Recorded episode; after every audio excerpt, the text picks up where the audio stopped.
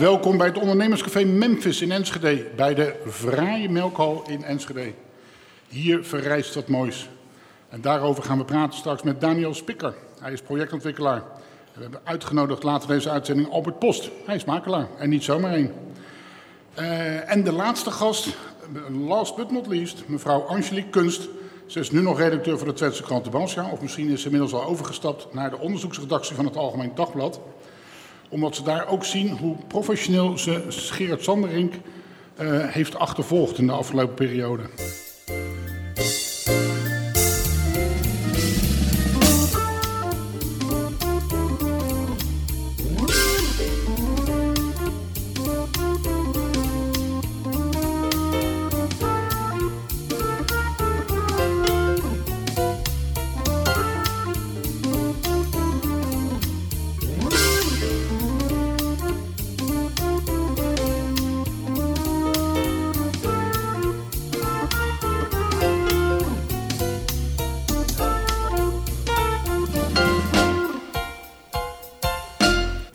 Zoals gezegd, we beginnen met Daniel Spikker. Hij leerde de kneepjes van het vak bij Loostad en dat is een bedrijf van Volker Wessels. Hij is de bedenker van de Twentse vastgoedreportage en in 2014 begon hij samen met Edwin Vincent een eigen ontwikkelingsbedrijf. En ook deze melkhal, althans niet te bouwen zoals ik al zei, maar de ontwikkeling ervan tot wat helemaal wat nieuws, tot nieuws, dat is hij een van de bedenkers van. Een geweldige locaties waar anderen slechts een berg ellende zagen. Zoals ik. dat kan me voorstellen. Dit was toch een teringzooi? Dat was echt een teringzooi. Niet zo ordinair doen, hè? Maar hoe komt het dan... U zal vast heel leuk zijn, zo ziet het er ook wel uit. Maar dat je dat dan ziet, dat je de ontwikkelingen ziet... dat je denkt, ja, maar daar, daar is wel wat van te maken, van die winkel. Uh, ja, ik was al, voordat wij echt met de opgave begonnen, al een paar jaar eerder hier geweest. Dan hebben we het echt over 2008 of zo. En toen was het echt heel erg desolaat. En dan loop je rond en dan pakt zo'n gebouw je gewoon op een gegeven moment. Je gaat kijken, het blijven uiteindelijk gewoon stenen. Dat uh, ben ik met je eens. Maar wat, wat trekt het je dan? Want ik ben er ook geweest. 100 jaar geleden, toen hier volgens mij nog koeien liepen. Uh, Colberco die was hier nog uh, druk bezig. Ja. En, uh, ja, dat was toen volgens mij een staking of zo. Want ik was stakingsleider in Overijssel in die jaren. Dat is een grapje hoor. Maar, dus daardoor was ik er denk ik dat ik hier een paar keer geweest ben. Maar voor de rest, toen ik hier kwam, ik denk nou, een bulldozer eroverheen. Dan gaan we wat moois neerzetten. Ja, maar dat hebben we in Enschede al heel vaak gedaan. Hè? En, en in Twente sowieso. En dat doen we ook in Nederland. En eigenlijk is dat een resultaat juist van dat het zo goed met ons gaat... dat we zomaar gebouwen kunnen slopen en nieuwe neer kunnen zetten. Maar daardoor is er wel heel veel historie weggegaan. En als je een stuk historie zoals de melkfabriek kunt bewaren voor het nageslacht... dan is dat wel een heel mooie manier om te doen. Ja, um, maar u bent nog niet zo gek oud? Nou, vind ik wel. Ja, nu 50, maar toen, toen u hiermee bezig was, was u weer wat jonger. Ja, toen was ik 40, ja. Ja, nou ja, ja en dan, dan loop je hier en dan denk je, daar kan ik wat mee. Ja, ja. Maar help even, hoe gaat het dan? Want het, ik geloof best dat u veel meer geld verdiend hebt in uw werkzame leven dan ik. Hoewel, u heeft ook jarenlang met Volker Wessels ge uh, gewerkt. En die heeft toch het meest voor zichzelf gehouden, volgens mij. maar, ja, volgens mij ook. Uh, even serieus dan weer daarop door. Maar dan, dan denk ik, ja, je kan dit niet zelf betalen en de ontwikkeling. Dus dan moet je, je moet men, mensen enthousiasmeren om datzelfde te zien wat jij ziet. En dan geld erin te steken. Ja, dat, dat is toch wel ons vak. Wij, uh, Edwin en ik zijn zeker niet vermogend. Dus je moet op zoek gaan naar, naar mensen die, uh, die jouw droom of jouw idee kunnen helpen verwezenlijken. En, uh, en, uh, en, en, en als je een goed idee hebt, zeker in het vastgoed, dan wordt het altijd wel gefinancierd. Ja, maar dan ga je een rondje bellen. Zeg je, ik heb een goed idee, of hoe werkt dat? Nou, hier is het anders gegaan. Uh, wij hebben het gekocht van de Rabobank. Wat, wat echt heel leuk is, en dat is de Rabobank ook heel erg trots op, is... Uh, dit is de bakermaat van de Rabobank Nederland. Ja, dat weet ik. Die zat, zit, zaten hier ook naast, hè? Ja, grote... die zaten in dat hele mooie kantoorgebouw hiernaast, waar Tactus tegenwoordig in zit. Maar die zijn, die, de, de Rabobank Nederland is hier opgericht. Tenminste, dat vinden ze zelf. Er is nog een andere Rabobank in het zuiden die dat ook vindt. Ik wou net zeggen, ja. Maar er zijn maar twee, dus 50% kans dat het zo is. Oké. Okay. En, um, en ze voelden zich daarom ook schatplichtig met deze locatie. Ze hebben altijd gezegd van als we hier wat mee gaan doen, dan, dan, dan, dan moeten we het voor na het geslacht ook kunnen bewaken. Want het was van hun? Het was van hun, ja. Het, ze zijn natuurlijk van vroeger uit een coöperatieve bank ontstaan uit de Boerenleenbank. Hè, de boeren uit de omgeving van hier. En toen hebben ze altijd gezegd van ja, wij willen graag dat dit, dit, dat dit blijft bestaan. Nou, uh, uiteindelijk uh, zijn wij door IAA benaderd. Als, uh, IAA is architectenkantoor wat hier de architectuur heeft gedaan. Die er inmiddels ook ingetrokken is, zag ik. Die inmiddels ook hier uh, woonzaam zijn. En, uh, en toen hebben we samen een, een plan bedacht. En, en toen zijn we naar de, naar de Rabobank gegaan. En gezegd van ja, wij willen graag jullie fantastische pand. toen nog Gerrit Groothuis, de baas. Ja. Klopt. En toen zei u van, ik, wil daar, ik kan er wel leuke dingen mee doen. Ja, we hebben er leuke ideeën mee, zeiden we toen. En toen zei hij, toen wat zei voor leuke ideeën dan, jongetje? Nou, hij zei inderdaad, uh, leuk dat jullie dat hebben, maar we hebben nog twee partijen die ook leuke ideeën hebben. En misschien waren er wel meer geweest als, als mensen echt hadden geweten wat voor een fantastisch pand dit is. Maar goed, er waren drie partijen en we hebben een mini-tender, uh, werd eruit geschreven door de Rabobank en die hebben wij gewonnen. Super. En waarom, kan je even kort uitleggen, ik heb natuurlijk wel wat over gelezen en ik heb ook wel wat gezien. Je kan hier tegenwoordig bij de, bij de supermarkt zitten erin en de IAH ja. zit er tegenwoordig in, die architectenjongens. Ja. Wat willen jullie hiermee? Ja, wij, wij, wij, hebben altijd een beetje gezegd, we willen graag dit de, de woonkamer van Enschede laten worden. Dat zijn wat, wat hooggedraven woorden, maar goed, als je nou ja, kijkt... Dit is een mooi, mooi restaurantje ja. van, van, van Drosten. Die doet het leuk en ik wil hier zeker een keer eten. Maar die tafels, daar wil je natuurlijk normaal gesproken niet dood aan gevonden worden. ja, dan zul je toch bij Harold moeten zijn, maar daar ga ik niet over. nee, heb ik al tegen hem gezegd, dus maar ga door. Dat, ik bedoel, je zit hier wel waar de koeien vroeger stonden. Nou, hier hebben we geen... Nou ja, hier, maar je begrijpt wel wat ik bedoel. Ik ben even kwijt, Harold. Wat zat hier ook alweer? Ik weet het niet eens meer. Maar... Dit was de bottelarij. Ja. Oh, je hebt mensen meegenomen die de plannen wel weten. nee, ik weet het vanuit de historie niet meer. Heel goed. Maar dat is, dat is, dat, dat, dus die historie heb je op deze manier een beetje bewaard. En uh, uh, doordat er een supermarkt is, is het echt ook een publieke functie gekregen. Dat mensen gewoon veel en vaak hier kunnen kopen, komen en daardoor ook uit worden genomen. De loop zit erin. Juist. En uh, hoe ver ben je er nu mee? Hoe lang ben je nog druk mee? Of ben je er al lang niet meer druk mee dat je zegt, ja, het is overgedragen, ik heb huur, dus de tering ermee voor de rest? Uh, ik, ik, zit bijna in die laatste fase, zoals jij dat dan zegt. Maar ik mocht, moest me gedragen zijn net, dus ik zal het niet herhalen. Nee, ik heb van mij verwacht dat ik ordinair ben, maar zo, van zo'n man als jij natuurlijk niet. Maar je, je, trekt bijna je handen vanaf. Jouw werk is gedaan. Wij zijn hier uh, nagenoeg klaar. We hebben opleverpunten naar, uh, naar, de, naar de eigenaar toe, want we hebben het verkocht aan een eindbelegger. Maar we zijn hiernaast nog bezig met een hotel. En dat zal ergens eind medio februari klaar zijn. En dan, dan zijn we met het melkhalgedeelte klaar. Ja, maar het hotel, zitten we daarop te wachten, denk je? Ja, zeker. Dat is echt een heel gaaf hotel. Waarom? Er zit, er zit, ik zal het misschien even kort uitleggen. Ik weet, niet, ik weet dat je hier niet woont in Twente. nee. Maar er zitten wel wat hotels hier hoor. Ja. En van duur tot uh, wat minder duur. Ja. Want ja, dat klopt. ja. Maar waarom moet er nog een hotel komen dan hier? Uh, dit product wat hier aan wordt geboden, dat vind je dan niet terug in Enschede. Enschede heeft de hotelbranche. Dat zijn mooie kamers, grote kamers, ruime kamers. De ene gemiddelde prijs, de andere wat duurder. En ik denk als je straks gaat zien wat uh, Harald weer voor een gave hotelkamers aanbiedt. Voor, Dezelfde voor man die in het, we zitten nu in het restaurantgedeelte, dat ja. gaat hij ook exploiteren. Ja. Dat, uh, ja. Dus als ik wat echt wat wil weten over of ik daar met een nacht met mijn verdienetje kan blijven, dan moet ik bij hem zijn, begrijp ik. Je kunt gewoon naar zijn website gaan, kun je een kamertje boeken en dan ga je betalen met je telefoon. Je komt bij de deur, ga je met de telefoon. Dus je kunt heel anoniem met je vriendin dus, uh, niet, uh, niks voor mij hoor ik weer als je er zo bij na moet denken. Um, en wat is de volgende klus? Nou, we gaan hiernaast is nog een kavel en dan gaan we nog 40 appartementen realiseren. Dus daar, dat, daar zijn we nu dagelijks drugs mee om, uh, om die uh, ontwerpen zo te maken dat ze straks gaan verkopen. Ja. Dus dat... Weet je, ik heb eigenlijk niet zoveel met projectontwikkelaars. Dat vind ik altijd een beetje rare types. Dat zijn het ook. Maar ja. toch maakt u op mij wel een prettige indruk. nou, nou, dank wel. Ho hoewel de start jaren geleden niet super prettig was, maar um, hoe, hoe nu verder? Ik bedoel, moet je nog werken of hoeft het niet meer? Ja, ik moet nog wel werken, ja. Nee, maar je kan gewoon eerlijk zijn tegen mij, hoor. Sorry? Je kan gewoon eerlijk zijn tegen mij. Ja, nee, ik ben ook heel nee, maar eerlijk. Zit, ik bedoel, er zitten toch marges tussen voor u?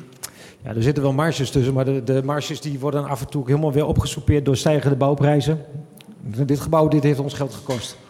Dat heeft jullie geld gekost? Ja, maar we hebben weer geld verdiend aan met kavels verkopen en we hopen met appartementen weer te verdienen. Dus uiteindelijk hoop je in, in de bandbreedte geld over te houden. Maar als, de, als, als, een, als een crisis heel lang duurt of de markt in elkaar klapt, ja, dan, dan, uh, dan is het mis. Maar dus, uh, als, u, als projectontwikkelaar ben je dan dat je overal steeds rondkijkt. Oh, dat is een mooi pand of dat is een mooi gebied of daar zou mooi dat kunnen komen. En dan moet je dat idee moet je bij de gemeente of bij de eigenaar gaan ventileren. Ja. Je moet dus wel uh, behoorlijk uh, nou ja, vasthoudend zijn. Ja, wij, wij hebben dit in 2014 gekocht. En dat is nu negen jaar later, bijna negen jaar ja, later. dat is nu negen jaar later. Dus, je, dus, dus, dus het duurt lang. Je moet daar lol aan hebben. Je moet, uh, je moet er tegen kunnen dat een wethouder een hele andere uh, beeld bij, bij zijn portefeuille heeft dan wat jij bij je eh, portefeuille hebt. Dus eh, hier hebben we echt een jaar vertraging opgelopen door een Ja. wethouder. Ja, dat kan, dat kan gebeuren. Wie, Dat- wie dat was het ook je alweer? echt- Namen zijn mij even ontschoten. Maar dan betekent dat dus dat, je, dat, dat de wethouder en de ontwikkelaar... die moeten dus elkaar wel goed liggen. Want anders dan, dan klikt dat niet. Dan gaat dat niet goed komen. Bij grote projecten, dit is echt een groot project, hè? Ja, dus dat drie hectare binnenstedelijk. Dus, dus, dus daar heb je ook heel veel impact op de, op de binnenstad. Hè? En dus Ja, dan, Zo'n wethouder die denkt, wat, wat gaat er gebeuren daar? Ja, ja. En, en, eh, dus je hebt heel veel impact. Dus dan willen ze ook eh, zeker weten dat het allemaal goed gaat. Kijk, als je acht huisjes in, de- in, in de rand voor, voor een eh, klein halletje gaat vervangen, ja, een dan ga je die wethouder niet zien. Nee, dat vermoed ik. Dus, en met, wie was het nou, zei je? Buursink? Ja, ik kom er zo niet op. Wie was het nou? Want ben je toch een nare man? Ik dacht jaren geleden dat je helemaal leuk was geworden. Je hebt het vak geleerd bij Volker Wessels. Ja, ik heb eigenlijk het vak geleerd eh, bij Adrie Lohuis. Adrie Lohuis was de directeur van het Sportproject Nederland. En dat was de ontwikkelaar van Miracle Planet. Oké. Ja, daar heb ik het vak geleerd, vijf jaar lang. Maar Miracle Planet, dat was toch op een gegeven moment van Wessels? Of ben ik er buis? Nou ja, wij waren met z'n tweeën. En ik wou zeggen, jong ventje wat van de universiteit afkwam. Hier in Enschede, dus ik ken Enschede wel. En, eh, en op een gegeven moment belde Dick op, want we zaten in Reizen. En die had gehoord van dat project via de gemeente. En toen zei Dick van, moet niet een keer praten, want dan kun je nooit meer het weer eh, dat doen. Dus, dus moesten we naar Dick. Dan moest je naar boven, naar die, eh, die kamer daar. Ja. Dan krijg je te horen hoe die het hebben wil. Ja, ja, maar was wel, ja, zo ging dat toen. Ja. Ja, nou niet toen hoor. Tot aan zijn dood ging dat zo. ja, ik weet het, ik heb gewerkt. Je bent toen voor jezelf genomen, ge- begonnen, samen met een, eh, een partner in Krijn, Edwin Ja. Vincent. Klopt. En ehm, hoe, hoe is dan die, ja, ik zou zeggen, de rolverdeling? Want het is toch een beetje creatief, een beetje zoeken. Eh, gebruiken jullie elkaar als eh, testlocatie of hoe gaat dat? Ja, ja, dat klopt wel. Ja, we zijn erg verschillend. Dus dus ik, ik zit ook meer in de operatie, hij zit meer op afstand. En eh, ja, we vergaderen veel met elkaar en dan hebben we een idee. En ik, ik wil graag altijd vooruit en hij gaat altijd op de rem staan. Waardoor het eigenlijk heel mooi in het midden uitkomt altijd. Ja, ja dat is echt een fantastisch goede samenwerking. Ehm, nu, eh, je woont een beetje richting Apeldoorn. Eh, Ja, bij Diepenheim. Net, net over de grens van Twente, bij Diepenheim. Mag voor mij ook. Ja. Ehm, is dat bewust? Of zeg je, want is je, je, hele ge- gebied, je kan natuurlijk moeilijk in heel Nederland werken. Nee, in mijn ogen werkt dat niet. Zeker niet voor zo'n klein bedrijf wij hebben. Wij hebben heel duidelijk eh, afgesproken, we werken van Apeldoorn tot Enschede. Ik heb natuurlijk bij Loosstaat in Apeldoorn eh, zeven jaar gewerkt. Dus daar heb je een netwerk. Want ons vak is echt alleen maar gebaseerd op netwerk, netwerk, netwerk. Gunnen en zorgen dat je er bovenop zit. Ja, gunnen kunt krijgen. En waarom gunnen mensen je? Omdat ze je lang kennen en weten wat je al gedaan hebt. En dat je dus je afspraken nakomt. En, eh, Ja, Ja. maar kijk, eh, is dit nou een van de grootste klussen, deze, deze melkhol? Of zeg je, ja, nee, Ja. Medendorp, eh, ik heb veel leukere dingen gedaan. Nou, ik, ik heb bij Volker Wessels veel grotere klussen in, in, in, in absolute bedragen gedaan. Maar, maar Maar dat was gewoon in loondienst. Dat was gewoon in loondienst en dan maak je gewoon huizen. Dan maak je 256 huizen in een nieuwe wijk. Is ook knap. Dat is, dat is heel groot. Ja, maar die is niet zo leuk. Nee, dus dit is, ik kan me voorstellen dat dit veel gaaf is. Maar is dat dan een van de grootste klussen, mooiste klussen? Dit is wel de klus waar ik zelf voor mezelf, hè, voor ons, trots, meest trots op ben. Ja, Maar ja. ja, daar- ben je dus wel een, een flink aantal jaren druk mee. ja maar, je, maar, maar je doet niet één project. Wij hebben allemaal projecten. Dus je, we hebben ook andere projecten al gedaan. Dus je, en sommige projecten hebben heel veel tijd nodig op een bepaald moment. Maar, maar dan ligt het weer bij zo'n wethouder dat er weer even een half jaar niks gebeurt. Dus dan heb je weer andere projecten waar je mee Ja. bezig bent. Maar kijk, ik, ik heb nog een vak dat ik wel eens tegen een wethouder kan zeggen... "Een lul, schiet toch eens op, man. Ja. Maar jij moet slijmen. Je moet kerstcakes gaan je, geven je, je, je, moet, eh, je kunt functioneel kwaad worden, hè, maar dan houdt het zo'n beetje op. Ja, Je kan niet echt de bijgoochem uithangen, want je, Nee, hebt, die, je hebt die gozer nog weer later nodig. klopt. Ja. Doe je dan jezelf gebeld aan? Ja, dat zijn een heleboel vakken waarin het Ja, is. het, is, je- het, is, het is je werk, hè? Is, eh, je, zodra je weer in de auto staat, ben je even boos. En als je thuis bent, is het als het goed is weer weg. Want Ja, als je is je op klas. en domen, ja. Ja. Ehm, wat kunnen we nog meer in de komende jaren van u verwachten voor leuke dingen? Heb je nog een beetje, dat je ons een beetje kan vertellen waar je mee bezig bent? ja, wij hebben nu eh, samenwerking met de gemeente Hengelo. eh, eh, wij, wij, wij hebben het Hofstedencollege gekocht. Dat ligt bij het station, naast ja, de metropool. toch? Ja, wij, ja, wij noemen het aan de voorkant, maar het is aan de andere kant van het centrum. Dus kan Nou ja, dat is daar, ik weet niet of u er wat mee te maken heeft, maar Dat was echt een teringzooi daar achter dat station. Ja. Tot aan de A35. En dat is in ieder geval al weg. Je kan er nu in ieder geval doorrijden. Ja, nou daar hebben wij niet meer van doen, maar het is wel goed dat het gebeurt. Nee, ik. maar dat was toch een rommel, man, Ja. wat er allemaal stond. Ja, En dat, dat, dat, daar heb je niks mee te maken? nee, nee. Ik nee. dacht, je moet nu even aardig tegen die man doen. want Die ruimt alle rommel op in Twente. nee, nee. Daar zijn we niet van. eh, Wat gaat er in Hengelo gebeuren? Eh, wat wij daar gaan doen is de Hofstedencollege is eigenlijk dat is een naoorlogsmonument. Hè, dus, eh, eh, en wij laten dat helemaal intact op de, op, op de kopse kant. Gaan er een, een, een toren Zit dat, sorry, even, vergeet me mijn domheid hoor. Maakt niet uit. Eh, maar als je aan de achterkant van het station zit, Ja. dat, is dat dat pand naast Metropool? of zo? Ja. Ah, Ja, ja, waar maar je even twee ook- treden omhoog moet. Ja, de vroegere MTS. Ja, ja, nee, precies. Ja. En dat heeft ook, Kamer, nee, die- niet de Kamer heeft er gezeten, maar die, nou ja, daar heeft ook nog andere van die instituutjes gezeten. Ja, het WTC staat daar ook in. WTC, dat- ja, die bedoel jij bent goed. Ja, ja. Ja, ja. Maar dat, daar ga je dus wat van maken. ja daar, daar Wat, gaan ga- we. wat gaan we daarvan maken? Daar komt een hotel met eh, 80 kamers. En een Heb je wat met hotels of zo? Ja, eigenlijk wel, ja. ja. Je hebt zelf ook een beetje minder rest. Je denkt, ik moet overal een beetje van die plek hebben Nee, maar ik op terug kan bij die eerste werkgever, mijn eerste project was een hotel. Hotel de Heerlijkeberg van eh, Guus Brandriet. Dat, dat was mijn eerste project. Dus, eh, en, eh, ja, dat, kan ik niet betalen met mijn minder rest. Dus dat, eh, dat- daar hebben we nu het Ja, dus onderscheid. dan moet je je naast. eh. Ik, ja, vreselijke man. Ehm, het, het blijft wel trekken, want ik kan me voorstellen dat je op een gegeven moment ook je, je, naar je bankgiro, naar je girorekening kijkt. Dat je denkt, nou, het is wel genoeg hoor. We kappen erbij. Ik ben dat gezeik met al die klootzakken, want het is wel trekken, duwen. Ja, het is alleen is maar trekken en duwen. Ja. Ja. Ja, maar eh, uiteindelijk maak je wel iets. Hè. Als- Bij kinderen, hè, ik heb drie jongens, eh, die zijn, die zijn bij, de, bij de bouwval geweest en die zijn hier nu geweest. Ja, als je dan die ogen ziet, alleen daarvoor zou, zou je het al doen. Dit je laat wat achter. is daar verantwoordelijk voor. Ja, je laat wat achter voor het nageslacht. Dat is, dat is hartstikke mooi. En, en, en, en is, ook, dit, dit kan nog weer 60 jaar mee. Hè? Nou ja, dat hoop ik wel. Mag ik nog één ding tegen je zeggen? Ja. Ik eh, doe wel een beetje zeikerig misschien tegen je, maar ik ben er wel onder, van onder de indruk wat je, hoe je dat ook hier eh, opgepakt hebt. Dankjewel. En ik vind het fijn dat je hier vier gekomen bent. Dankjewel. Dankjewel.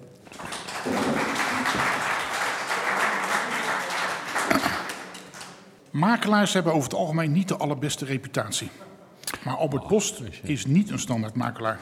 Hij bouwde een fraai bedrijf op in de afgelopen decennia dat landelijk bij de grote jongens hoort. Hij heeft meer dan 100 mensen op de loonlijst staan in 12 vestigingen. Hij verkoopt, bemiddelt, taxeert voor particulieren en bedrijven en probeert bijna altijd voor de troepen vooruit te lopen. En dat doet hij nu bijvoorbeeld met energielabels. Dankjewel, Jan. Heb ik onzin uitgeslagen? Ga door. nee, ehm nou, dankjewel voor zoveel eer. Ik zie het allemaal anders. Ik ben Nou. gewoon eh, lekker aan het ondernemen en daar ga ik gewoon lekker mee door. En we zien kansen, die pakken we. Ik ben lekker En, aan het eh, ondernemen. ja. Dit is toch. Ja, die zo zie ik makelaars, nou dan gaan we het even omdraaien. Dat makelaarswereldje is toch een enge wereld. Eh, nou, dat zie ik compleet anders. Ik denk wel eh, dat er een eh, groot verschil is tussen de ene makelaarsorganisatie en de andere. En ik zie daar de laatste jaren, ook door de wetgeving, eh, ja, hele positieve eh, veranderingen in. Ik eh, moet zeggen, als ik vroeger op vakantie ging in Duitsland, ze vroegen naar mijn beroep. Dan zei ik ondernemer, want in Duitsland is de reputatie van de makelaar nog veel erger dan hier. Maar eh, nee, ik, ik, ik kan wel heel trots zijn op onze beroepsgroep. En ik heb eh, hele, hele fijne, hele professionele collega's waar ik heel fijn mee samenwerk. Ja, maar dan heb ik het niet expliciet over jou hoor. En ik heb ook niet Nee, maar ik expliciet bedoel over ook je niet, ik bedoel ook niet mijn collega's, ik bedoel eh, de collega-kantoren. met Ja, maar ook, eh, eh, daar heb ik het ook niet expliciet over. Maar ik heb zelf ook in mijn leven, want ik ben ook een oude lul, toch een paar keer een huis gekocht en verkocht. Ja. Dan had je ook met die types te maken. ja. Omdat je dan denkt, nou ja, laten we er maar bij halen, hij heeft er verstand van. Daar werd ik niet over het algemeen, en niet van één niet, bijna overal dat ik denk, jezus. Eh, ik, ik kan wel zeggen dat wij in Nederland ehm, eh, gelukkig mogen zijn met een vereniging als de NVM, met de educatie die erachter zit. Eh, je ziet dat die hele makelaardij veranderd is. Toen ik begon, kreeg ik van een ontwikkelaar een mooi plan in verkoop. Ik deed de marketing, ik deed alle gesprekken. Het was in dit geval een premie A-complex, wat ik mij herinner. We eh, hadden het over de subsidie, de voorfinanciering van de subsidie. Ik rekende de hypotheek uit. Die mensen kregen van mij nog een mooie polismap mee. Als ze nog een huis te koop hadden, ging ik daar ook naartoe, nam het huis in verkoop. En, ehm, dus, ja, en, en dat is gelukkig niet meer zo. Eh, het vak nu is onderverdeeld. gescheiden, Het zijn eh, allemaal specialismen. De bedrijfsmakerij is van de woningmakerij gescheiden. Binnen de bedrijfsmakerij heb je de afdeling taxaties, heb je makelen. Eh, binnen de taxaties heb je nog weer een, eh, ja, bijvoorbeeld een agrarisch taxateur, maar je hebt ook een zakelijk taxateur, je hebt grootzakelijk, je hebt exploitatiegebonden vastgoed. En in al die eh, onderdelen moet je bekwaam zijn, wil je die taxatie mogen doen. Ja. Dus dat is eigenlijk, ben ik best wel trots op dat dat niet meer zo is, zoals jij dat zegt. Maar je bent in de afgelopen jaren toch behoorlijk. Je hebt ook steeds wat overnames gedaan. Je hebt nu twaalf vestigingen. En hoeveel van die kantoren heb je overgenomen? Nou, het zit zo dat wij zijn in eh, 1993 begonnen hier in Enschede. Wij Ik, eh, is eh, ik- Albert Post. Nou, mijn vrouw zit daar ook. En, eh, Ja, maar goed. eh, nee, maar eh, ik werkte bij Snel de Zijlstra. Ik zit er even over mijn- na te denken. Misschien is het leuker dat ik met haar praat. Nou, sowieso, eh minstens zo gezellig kan ik je aanraden, Jan. Dat, eh, Nou, jullie zijn met z'n tweeën zijn dan begonnen. En nee, toen- Diana werkte bij Randstad en ik werkte bij Snel de Zijlstra. Snel de Zijlstra had het kantoor van mijn vader overgenomen. Ik heb eh, indirect, Robin de Groot, jou nog wel goed bekend, had het kantoor van mijn vader overgenomen. Die is eh, gaan doorfuseren met Snel de Zijlstra. Snel de Zijlstra had Post en de Groot overgenomen. Ik heb daar een aantal jaren mogen werken, op de nieuwbouwafdeling eerst, later op de bedrijfsmakelaardij. Maar ik wilde gewoon ondernemen en dat kon ik daar niet kwijt. Dus toen ben ik weer voor mezelf begonnen, Ja, waar, waar wil- pa gestopt was in feite. Ja, ik vind het prima dat je het zo zegt hoor. Eh, en ik heb geen En nee, ik geloof je. Alleen als je dat steeds benadrukt dat je ondernemer bent, dat je onderneemt, dan denk ik, joh, je leeft gewoon bij de gratie van dat de ene een huis koopt en de andere verkoopt. Ja, En voor de rest doe je toch niet veel bijzonders. nee, dat klopt ook. Dus eh, eh, je moet alleen men- Ja, nee, dat is heel simpel, ja. nee, maar mensen moeten jou het gunnen omdat ze denken dat je het kan. Nou, ik, ik onderschrijf wat Daniel net zei. Wij, wij zeggen bij ons op kantoor, dat is kennen, kunnen, gunnen. Dus je moet eerst zorgen dat je veel mensen kent.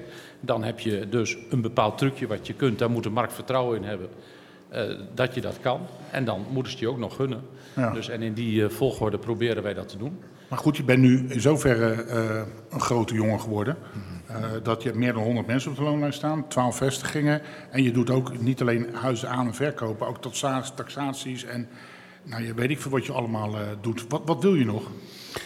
Nou, we hebben vorige week nog een kantoor overgenomen in, eh, in het Haarlemse, Aardenhout. Zodat wij in een bepaald segment ook in die regio nog actief willen Maar zijn. dat, dat was Toma toch al? Die had er ook van die Ja, nou, eh, laat ik het zo zeggen. Wij zijn eh, in de crisis, de vorige crisis. Als makelaar ga je van crisis naar crisis naar crisis naar crisis.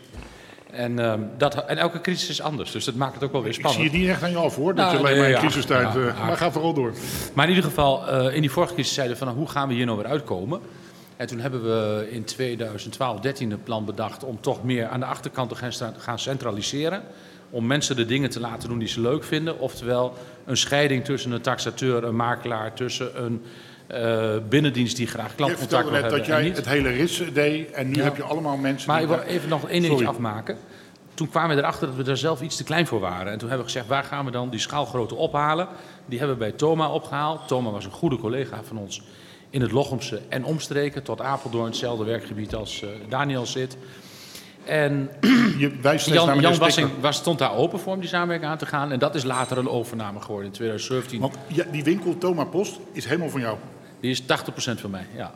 Wie Ik heb hebben wat partners in, eh, in Winterswijk, in Almelo. En die gun je ook een paar procent, maar jij bent Nee, nee, nee, wij zijn echt partners. We doen dat samen. We Ja, maar overleggen je hebt 80 veel. procent of zo, toch? Ja, maar eh, ik heb niet in alles 80%. In sommige dingen zit ik voor de helft in en andere dingen weer voor iets minder of iets meer. En zo heb je met een ja, heel... Is dat gekomen omdat je dat, of is dat je filosofie, dat je weet dat als ze voor een deel eigenaar zijn, doen ze dat nog een stapje extra? Zeker, ik geloof erg in ondernemerschap. En ik ben ook nog met een aantal partijen bezig om nog weer met elkaar wat dingen te doen. Ja. En, eh, ja, ik ben ondernemer en ik vind het heel leuk om met ondernemers samen te werken. Maar als je dan dit zo, hier waar we zitten nu, de melkhal, Ja. daar heb je geen fuck mee te maken voor de Nou, ik kwam hier vroeger de slingers ophalen.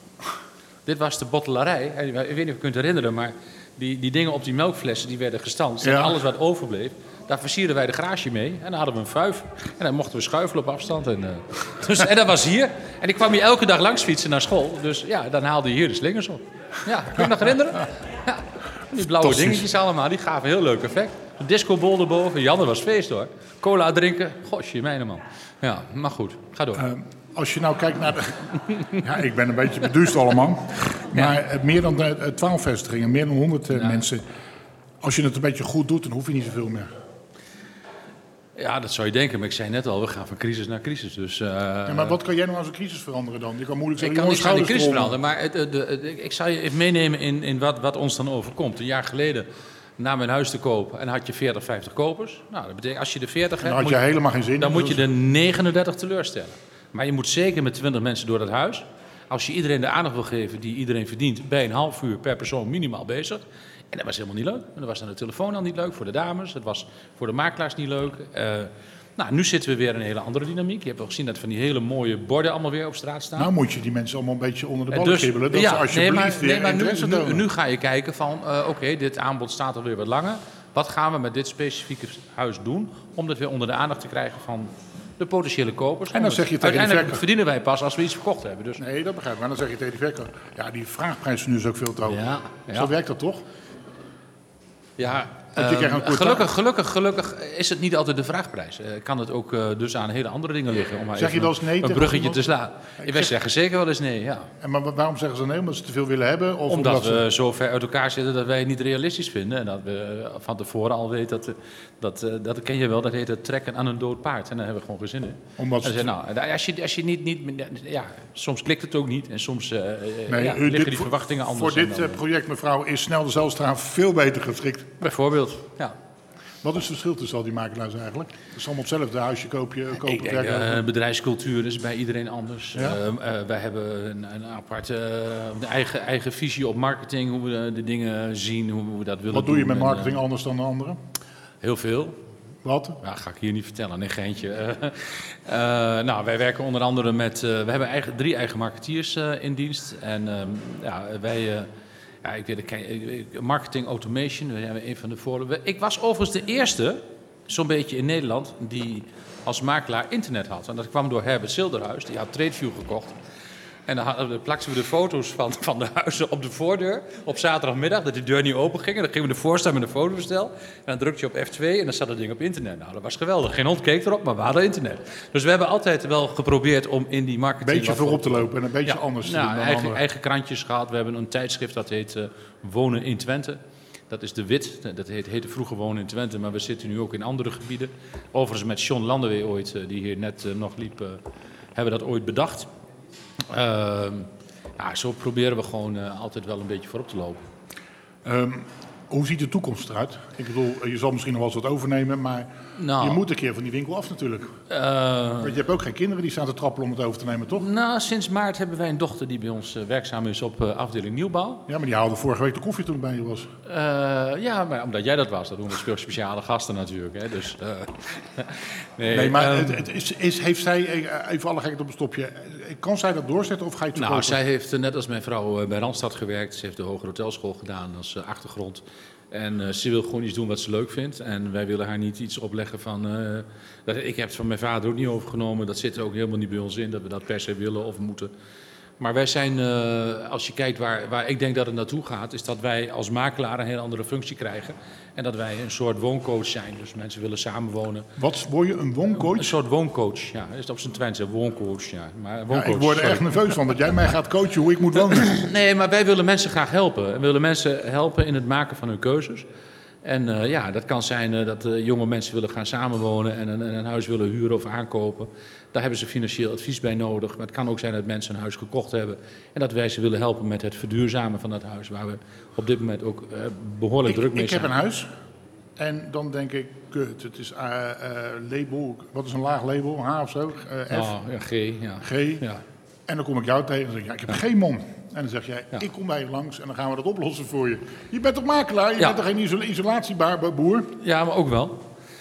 nee, um, ik zit in een beleggingsstudieclub die heet de FIOT. En dat staat voor Verveling is onze drijfveer.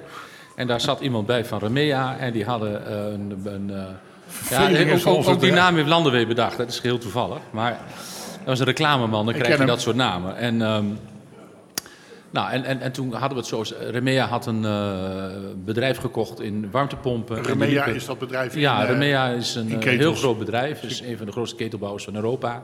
Een miljarden omzet. En die hadden een bedrijf gekocht in warmtepompen. En die ging helemaal vol voor het hybride verhaal. Wat nu ook voorgeschreven gaat worden door de overheid.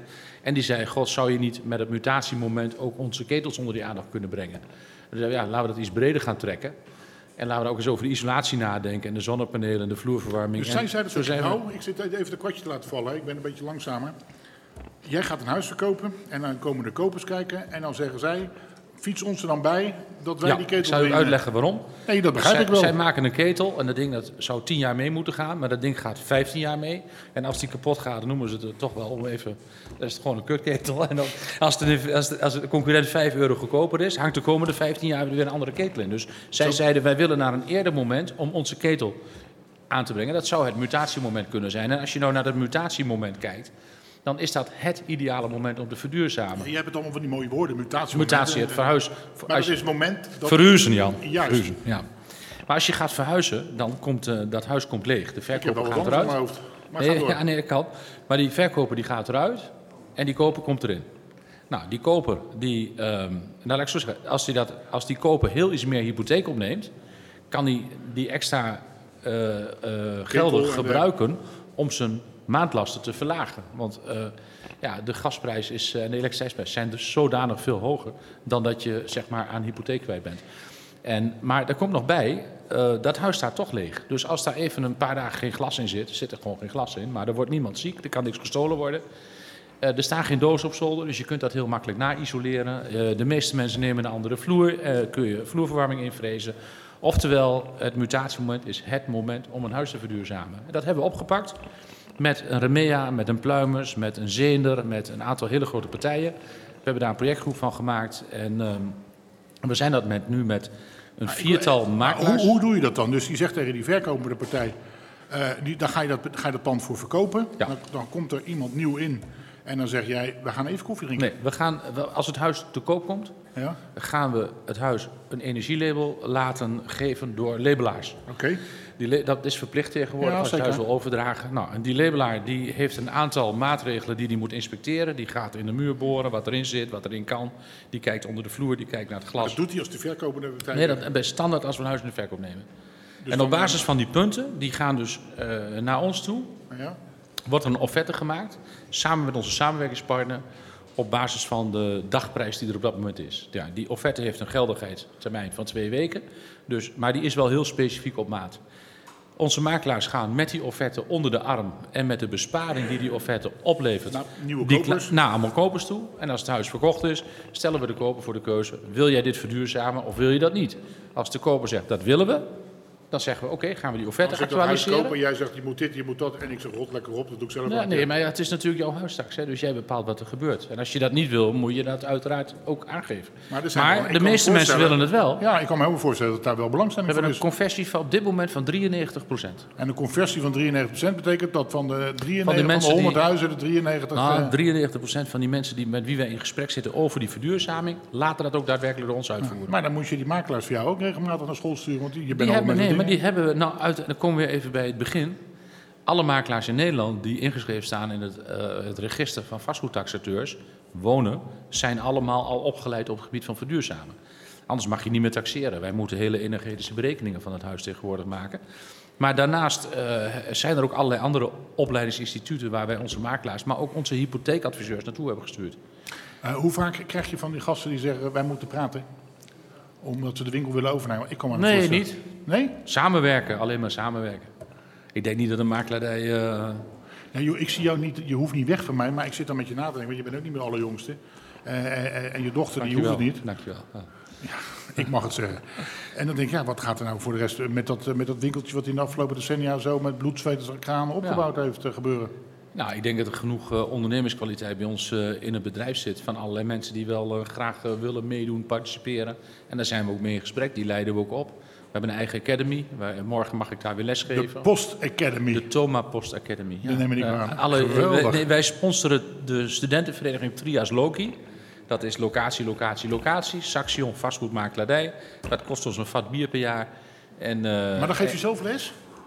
Aan, aan, morgen aan de jongelui, ja, wij dragen kennis over. Dat de ene keer doet onze taxateur dat, morgen geef ik een stukje les. Morgen gaat een En er zitten wel van die hypotheekadviseur. gasten van een jaar of 20, 22. Ja, Nou, ik mag zeker niet komen kijken. ach, kom maar, natuurlijk. Het lijkt me geweldig om jou daar... Nee, maar het is, het is ook gewoon heel gezellig. We hebben een mooi kantoor in Lochem. Daarboven doen we dat. En dat eh, trekken we dan een ochtend voor uit. Daarna gaan we lekker lunchen met z'n allen. En, eh, en de laatste afsluiting doen we altijd s smiddags op vrijdagmiddag. En dan nog lekker hapje eten. Dat zijn de jonge talenten bij ons in het bedrijf. Dat kunnen marketeers zijn, taxateurs, makelaars, stagiaires. maakt niet uit wat. Wat we daarmee doen is dat wij eh, het bedrijf beter bij hun leren kennen. Dat we die stagiaires ook nog weer een beetje een band mee kunnen krijgen. En dat we dus gewoon kennis overdragen. Ja. En dat is leuk om te doen. Ik, vond, ik ben een keer bij jou thuis geweest. En toen zei ik, jezus, wat zou je daar druk mee zijn? Dat je nog tijd hebt om te werken, man. eh, met een... Ja, dat zei je ook. Dat doet mijn vrouw allemaal. Nee, Geweldig. Nee, dus je vrouw die doet eigenlijk gewoon het belangrijkste werk. Mijn vrouw houdt van, eh, van dieren en ja, ze heeft drie ezels. Ja, twee in de wei. Ik zal en, er niet eh, in ja. trappen. Ik trap er niet in. En twee koeien en wat schapen. En eh, ja, dat vinden wij leuk. Hey, eh, meneer Post, ik vind het geweldig dat je hier te gast bent geweest. Dat je het even zo open over je bedrijf en over jezelf gepraat hebt. Succes ermee. Dank voor je aandacht.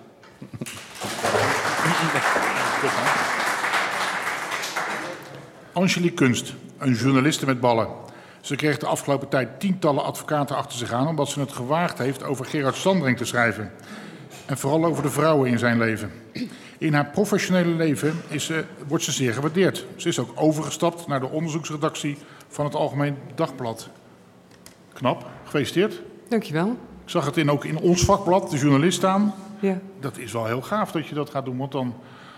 Ja, en je bent ook niet meer de allerjongste, dat je dan nog zo'n klus op je schouders gaat nemen. Nee, maar ik ben serieus hoor. Ja, nee, ik ben, daar, ik ben daar ook best wel trots op. Ik bedoel, eh, eh, toen ik begon in de journalistiek jaren geleden, toen eh, eh, waren de mannen van 59, want vrouwen van 59 zaten toen helemaal niet in de journalistiek. Eh, maar de mannen van 59 waren allemaal op weg naar de uitgang, want die waren allemaal bezig met hun fut. En ik heb me toen al voorgenomen, dat gaat mij niet gebeuren, dat ik zo uitgeblust zit te wachten tot de dag dat ik eindelijk weg mag.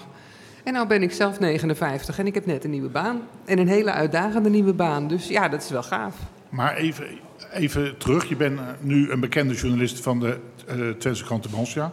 Ja. Dat was niet altijd zo. Nee, ik heb veel achter de schermen gewerkt. Ik, heb, eh, ik ben begonnen als eh, verslaggever, maar ik ben op een gegeven moment eh, chef geworden. En als chef ben je niet zichtbaar. Nee, maar dan ben je zo, zit, zit je op zo'n redactie in Hengelo, Enschede, Losser, weet ik veel waar je gezeten hebt. En, en, en dan moet je tegen die gastjes zeggen dat ze, godverdomme, het is half tien, je bent te laat en je moet naar een raadsvergadering toe. Je moet zorgen dat die pagina elke dag gevuld wordt. Dat is toch niet leuk? Ik vond het hartstikke leuk. Kijk, ik, ik, was, ik was niet van het type van eh, je bent te laat. Ik, ik, ga al, ik ga er altijd vanuit dat collega's eh, gemotiveerd zijn en dat ze zin hebben in het werk. En als ze dat niet hebben, dan zoek ik uit waarom. Eh, en ik probeer zoveel mogelijk mensen dingen te laten doen die ze leuk vinden. Maar de, ik heb ook bij dat soort kopladen gewerkt in het Westen, de Ja. Laagse krant. Daar hadden we altijd van die types die weggepromoveerd waren. Die werden dan chef van Zoetermeer of van Delft of van...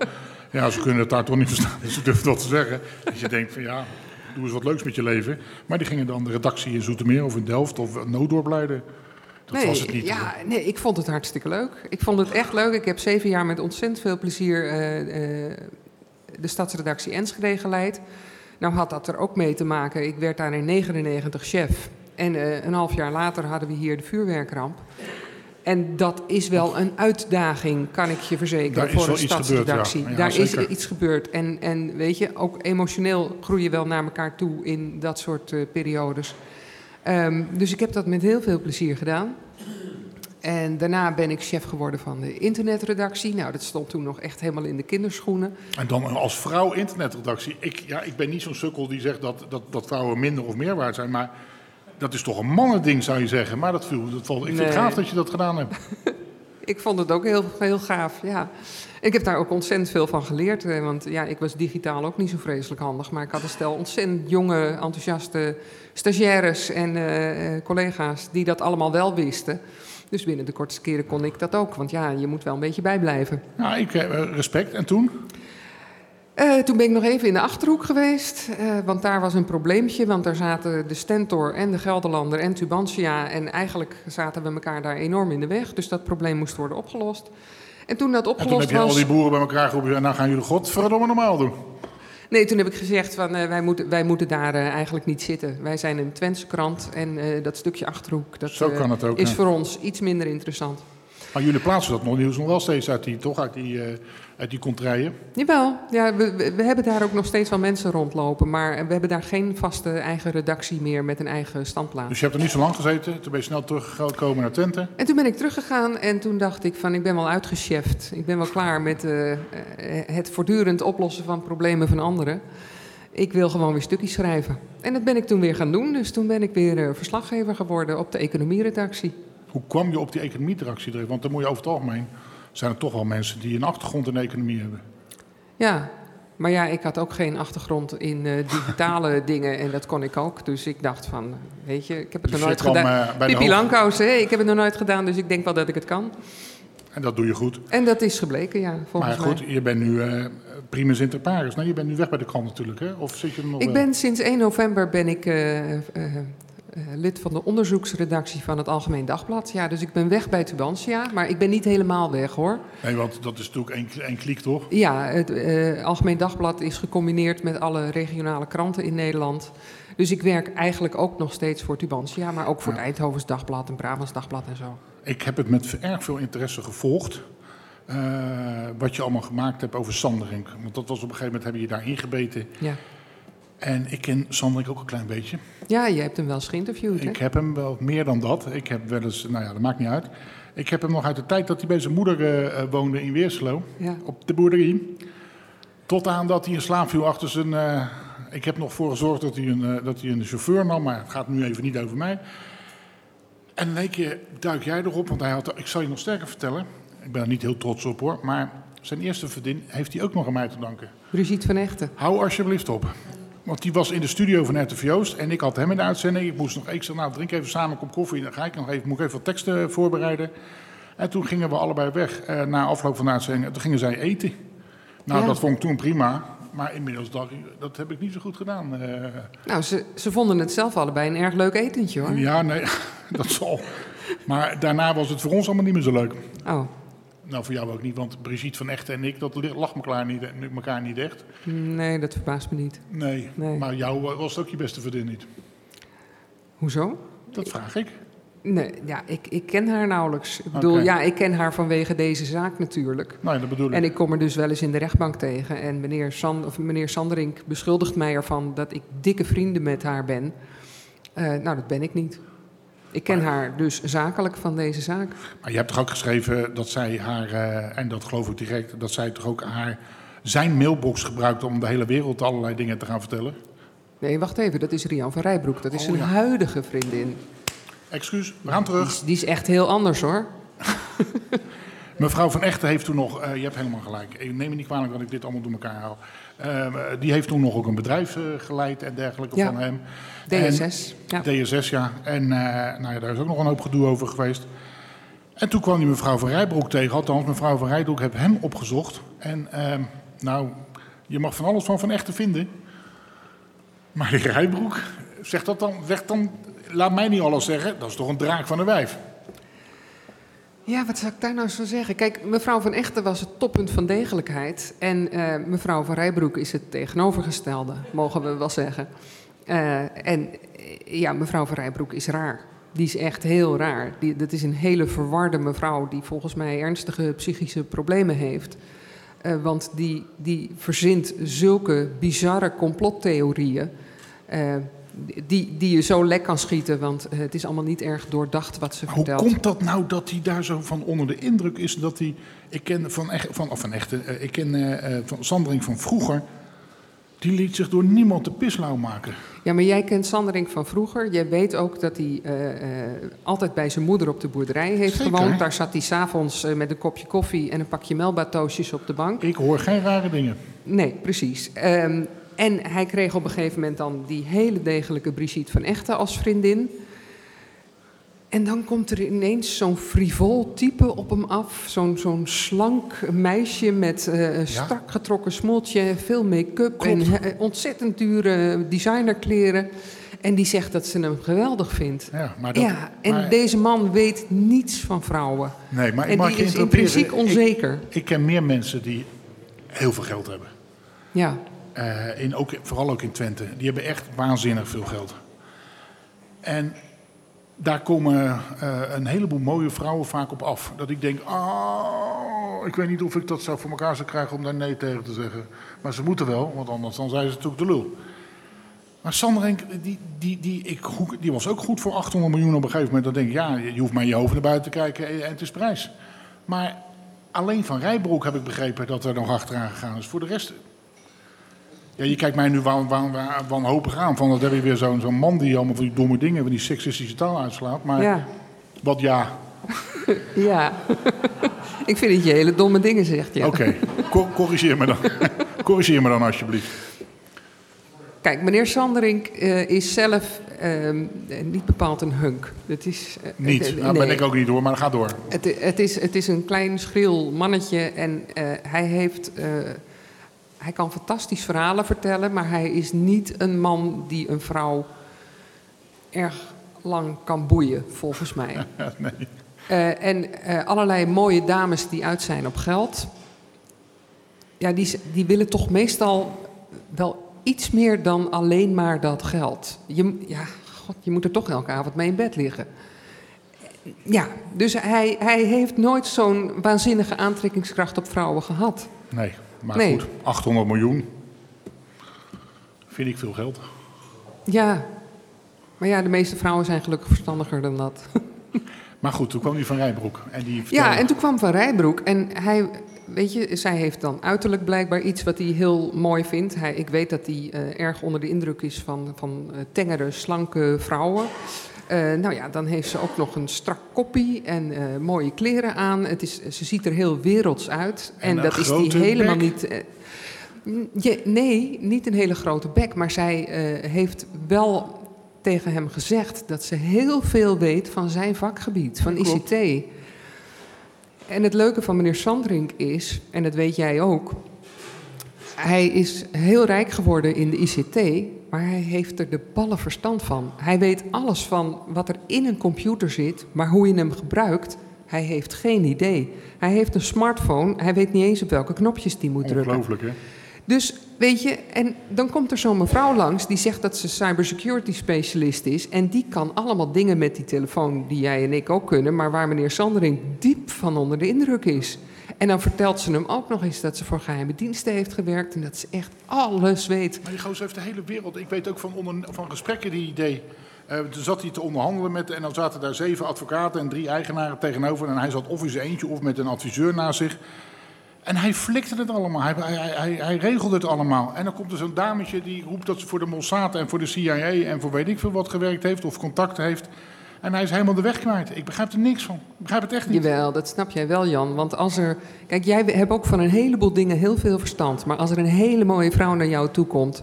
die jou allerlei mooie dingen in je oor fluistert. dan ben jij ook weg. En dan weet je ook ineens niks meer. U klapt net iets te hard.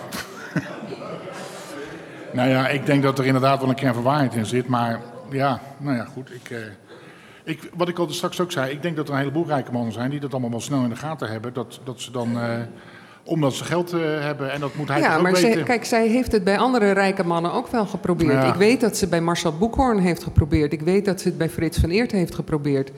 Die waren aanvankelijk even onder de indruk. en hadden al heel snel in de gaten van. oh, deze dame is zo fout wegwezen. Dat zijn ook wel liefhebbers hoor, die Boekhoorn en die Van Eert. Nou, ze wist ook precies wie ze moest proberen. Ja, En door. Dan gaan we, eh, zij was dus eh, binnengekomen bij die, bij die Sanderink. En toen is het, nou ja, met Sanderink niet heel goed eh, verder gegaan, om het zo maar te zeggen. Want de laatste nieuws is dat hij nu over zijn eigen bedrijf Sanderink, Sanderink niks meer te vertellen heeft. nee, nee, ik zat vorige week bij die zitting bij de ondernemingskamer. En ja, meneer Sanderink is echt helemaal het spoorbijster. Ja. Die man is zo totaal verward. Ik bedoel, je zit bij de ondernemingskamer. Je weet dat het doel is van die zitting om uit te maken... bent u nog geschikt om dit bedrijf te leiden? En wat doe je dan? Dan ga je zitten beklagen over de stukjes die mevrouw Kunst in de Tubantia heeft geschreven. Dommer. Zo van, als mevrouw Kunst al die nare stukjes niet over mij geschreven had, dan was er niets aan de hand bij Centric. En dan denk je dus werkelijk dat je daarmee het pleit wint. Je hebt ook geen advocaat meegenomen voor je bedrijf. Centric werd niet vertegenwoordigd door een advocaat. Ja, ik bedoel, hoe dom kan je zijn? Ja, Die man is echt het spoorbijster. Ja, maar dat verbaast mij dus zo. Ik wil nogmaals niet zeggen dat ik hem goed ken of wat dan ook, maar ik heb hem toch een paar jaar meegemaakt. Het was niet, ja, hij was niet van de wereld, maar dat hij bij zo'n rechter waar hij moet vechten om, voor zijn bedrijf, en dat hij dan tegen, eh, tegen de rechter alleen maar gaat zeggen, ja, die kunst die deugt niet. Dan ben je toch niet goed bij je hoofd? Wat, Nee, is, er, wat is er gebeurd in die tijd met die man?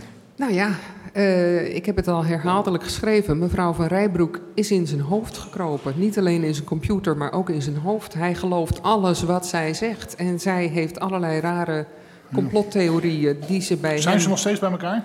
Ze zijn nog steeds bij elkaar. Ik weet niet of je de foto gezien hebt op de voorpagina van Tubantia, maar het was niet eens hand in hand. Ze klemden hem echt helemaal vast. Voor de zekerheid? Mm, ja.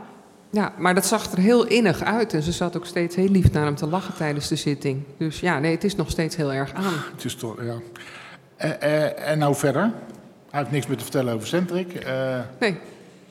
En, en, en nou, want die andere bedrijven was ook al uh, Structon en zo, waar hij allemaal had. En weet ik, was ook allemaal. Uh, wat doet hij nou de hele dag dan als hij niet meer ondernemertje kan spelen? Ja, ik denk dat hij zich nu wel heel erg bezighoudt met Structon en Antea. Uh, hoewel die daar een raad van commissarissen maar heeft Structon zitten. is hij er ook niet meer de baas, of wel? Um, nee, formeel niet.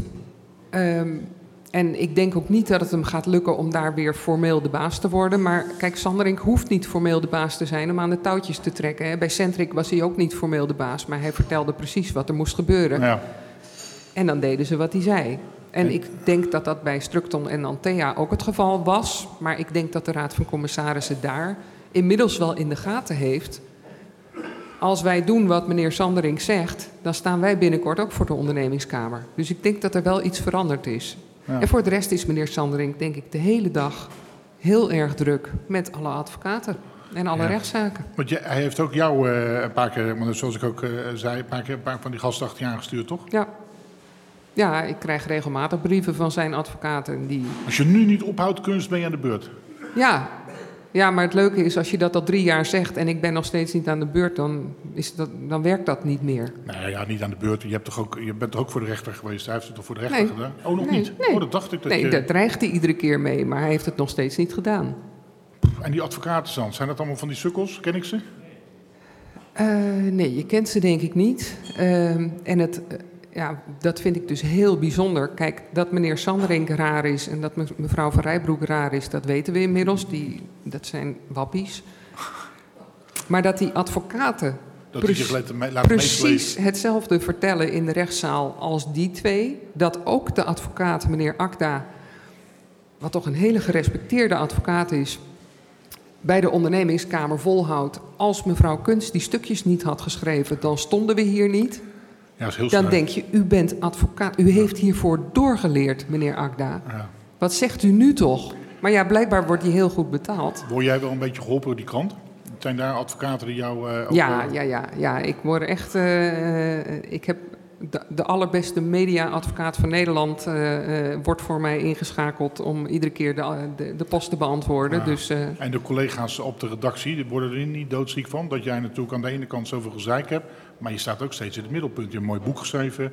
Uh, het, je kan geen blad openslaan of het gaat over jou. Ik, ik, vind dat, ik kan me ook wel voorstellen dat het ook wel tot enige animositeit leidt daar. Nee, nee, absoluut niet. Daar heb ik echt geen seconde last van gehad. Want ze zijn allemaal heel trots. En ze vinden het waanzinnig leuk dat bij Lubach en op één en zo Tubantia 20, 30 keer genoemd wordt. Ik bedoel, ja, ja dat is wel gaaf. Het is wel reclame, hè? Ja. Maar hoe is dat gegaan, die overstap naar, het, naar die onderzoeksredactie van het Algemeen Dagblad? Hebben ze gebeld. Ik heb het boekje gelezen wat jij geschreven hebt. En ik heb die krantartikeltjes bezig gelezen. En ik zat toevallig naar Lubach te kijken. Jij moet daar weg bij die boeren. We hebben een leuk baantje voor jou. Nee, ze hebben nooit gezegd weg bij die boeren. Dat zeggen ze niet. Maar ze hebben jou gebeld. Maar uh, ze hebben op een gegeven moment wel gevraagd van... goh, we gaan een onderzoeksredactie vormen. En uh, uh, dat is nieuw. Dus het bestaat pas sinds september. En wij willen jou daar heel graag bij hebben... want wij denken dat jij dat wel kan. Nou ja, je hebt bewezen dat je dat kan. En toen dacht ik, ja, weet je... nog één keer zo'n sprong in de laatste fase van mijn carrière. Ik vind het wel gaaf. Maar er moet er nog één leuke affaire ook nog weer komen natuurlijk, hè? Ja, want uh, ik ben uh, met meneer Sandrink, ja, ik ben er nog niet klaar mee. Want hij gaat nog wel even door, ben ik bang. ja, maar ik wil, ik wil wel weer eens een keer iets nieuws om mijn tanden in te zetten. En, wat, hebben we al wat? Nee, ik heb nog niet echt wat op het oog. Ik ken toevallig de ontwikkelaar en, de, en een advocaat die bij die melkrol betrokken zijn. zou je daar... nee, flauwekul hoor. Hey, ik ben, wat ik al straks aan het begin zei, ik ben diep onder de indruk. Ik vind het heel gaaf. Leuk dat je hier geweest bent. En heel veel succes op die onderzoeksredactie van het Algemeen Dagblad. En ik hoop dat we elkaar nog eens tegenkomen. Ja. Ik leer daarvan. Dankjewel. Hoop ik ook. Dankjewel.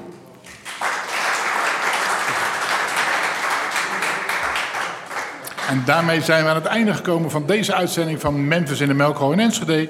Waar de techniek in goede handen was van Ruud-Jan. Zeer bedankt voor uw bezoek allemaal. En volgend jaar gaan we uiteraard weer verder met het programma Memphis Waar. We laten het u weten. Dag.